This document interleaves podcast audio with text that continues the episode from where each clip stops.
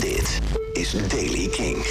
Het is vandaag vrij zonnig, maar in het noordoosten begint de dag met mist. En over het westen komen ook wat wolkenvelden met hier en daar een spatje regen. Bovendien kan er vooral in het zuiden het zonlicht worden gehinderd door Sahara-zand. De temperatuur die ligt aangenaam hoog, 13 in het noorden en 18 in het zuiden. Nieuws over Fontaine's DC, de evenementensector, Cooks, Douwpop en Weezer. Dit is de Daily King van woensdag 16 maart. Michiel Veenstra. Morgen, 17 maart, is het St. Patrick's Day, de grote Ierse feestdag. En Fontaine's DC, grote Ierse band, gaat dat vieren met een live show in de Complex in Dublin.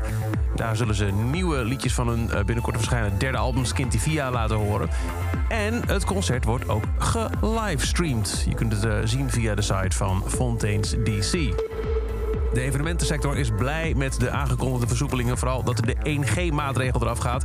Maar, zo zeggen ze tegen nu.nl... ze maken zich nog steeds zorgen over stijgende kosten... en vooral het tekort aan personeel. De Cooks kwamen net eventjes wat te snel met hun concert. Het had moeten plaatsvinden op 5 maart met de versoepelingen die toen van de kracht waren. Waardoor het concert moest worden verzet.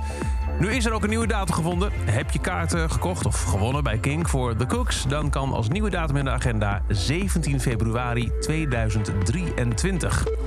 Douwpop heeft nieuwe namen aan de line-up toegevoegd. Onder andere De Staat, Sportsteam, Pip Blom en Mesker Mees komen in mei naar Hellendoorn. Waar onder meer al Wolfmother, Editors, Wies, The Waterboys en Sylvie Kreuz waren aangekondigd. Voor de eerste keer dat Douwpop twee dagen duurt. Donderdag 26 en vrijdag 27 mei. En Weezer heeft een 4-EP-project aangekondigd... waarvan telkens één EP zal verschijnen aan het begin van een nieuw seizoen.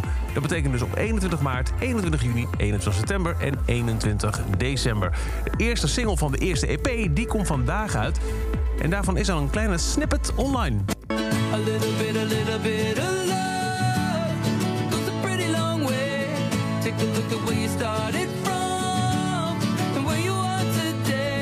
Little Bit of Love komt later vandaag als eerste single. Volgende week dus de hele eerste EP in het Seasons project.